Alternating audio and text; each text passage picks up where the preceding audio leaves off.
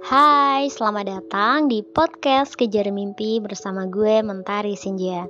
Terima kasih, terima kasih ya buat teman-teman yang udah mau mampir ke podcast Kejar Mimpi dan yang udah mau ngedengerin podcast Kejar Mimpi. By the way, gimana nih kabarnya teman-teman? Semoga teman-teman dalam keadaan sehat, dalam keadaan baik-baik saja dan sukses selalu buat kita semua. Amin. Selamat mendengarkan.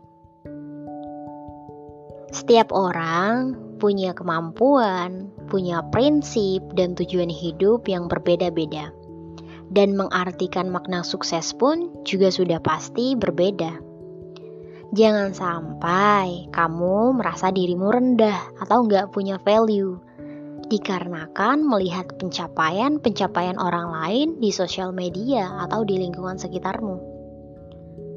Kamu punya ciri khas tersendiri, mereka pun juga begitu. Cukup jadikan itu motivasi dan batu loncatanmu untuk meraih versi terbaikmu sesuai dengan karaktermu sendiri. Kamu tidak perlu risau, kamu tidak perlu cemas dengan pencapaian-pencapaian orang lain. Karena setiap orang memberikan manfaat yang berbeda-beda bagi orang lain sesuai dengan kemampuan dan kapasitasnya masing-masing. Tidak perlu mencari validasi dari siapa pun itu. Cukup please do it aja.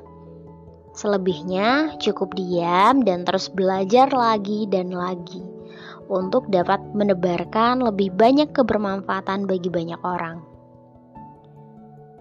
Untuk kamu, teruslah berjalan untuk dirimu sendiri, untuk orang tuamu dan orang-orang yang mencintaimu dan yang menyayangimu.